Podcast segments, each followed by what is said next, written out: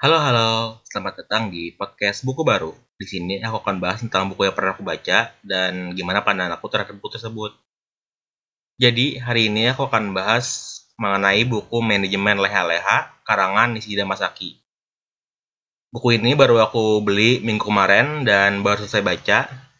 Buku ini sangat bagus ya, soalnya di buku ini menjelaskan tentang fenomena-fenomena masyarakat sekarang yang sulit untuk menyeimbangkan antara bekerja dan kehidupan atau istilahnya work life balance. Jadi di buku ini Nishida Masaki menjelaskan bagaimana orang-orang itu bagaimana teknologi membantu kita bekerja akan tetapi dengan teknologi malah teknologi itu mengganggu akan kehidupan seharian kita seperti email-email dari bos yang harus dibalas, harus dibalas saat tengah malam dan juga pekerjaan-pekerjaan yang bisa dikirim kapan saja melalui email kita dan mengganggu liburan kita.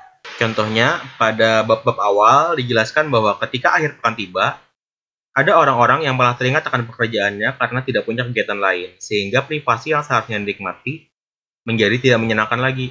Kepalanya terus memikirkan pekerjaan dan malah tidak bisa bersantai, meskipun keluar rumah untuk mengubah suasana hati. Walau perasaan jadi tenang setelah sedikit bekerja, kekhawatiran tetap saja tidak hilang. Pemikiran-pemikiran seperti ini bisa jadi akan membentuk penyakit yang disebut dengan depresi akhir pekan apa sih depresi akhir pekan itu? Ciri-cirinya adalah depresi akhir pekan itu padahal bisa bangun pagi pada hari biasa, tetapi malah tidur sampai tengah hari ketika akhir pekan. Ketika akhir pekan datang, kondisi kesehatan malah memburuk.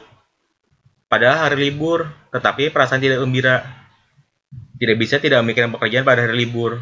Kalau kamu saat ini sedang bekerja dan mengalami hal-hal seperti itu, mungkin saja kamu sedang mengalami depresi akhir pekan. Nah, gimana sih cara mencegah depresi akhir pekan ini?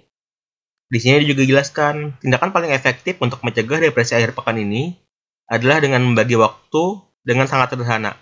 Misalnya dalam satu hari, kita hanya membagi waktu menjadi dua, antara pagi dan siang. Jika pagi kita gunakan untuk bekerja, maka saat siang, jangan kita gunakan untuk memikirkan pekerjaan, kita lakukan untuk bersantai. Misalnya, berolahraga dan main film. Tetapi, jika kamu ingin bagi waktu menjadi tiga, misalnya pagi, siang, dan malam, itu juga tidak masalah. Yang penting, kamu bisa membagi waktu yang mana untuk bekerja dan yang mana untuk bersantai. Jika seandainya pekerjaan kamu nggak bisa membagi waktumu menjadi sederhana seperti yang dicontohkan tadi, kamu juga bisa menambahkan istirahat dinamis. Apa sih istirahat dinamis itu? Istirahat dinamis itu contohnya misalnya kamu menyediakan waktu 5 menit untuk melakukan hal yang disukai. Misalnya menonton berita, bermain game ponsel, ataupun makan makanan enak.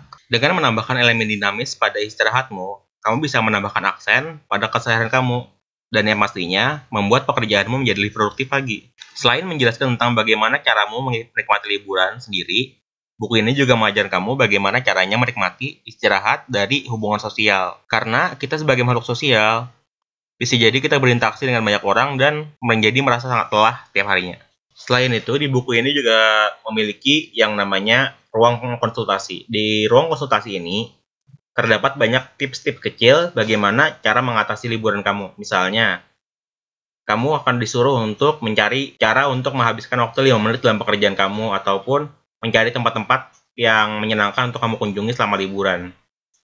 Intinya buku ini sangat aku rekomendasikan untuk kamu yang sibuk bekerja dan ingin mencari cara untuk menikmati liburannya.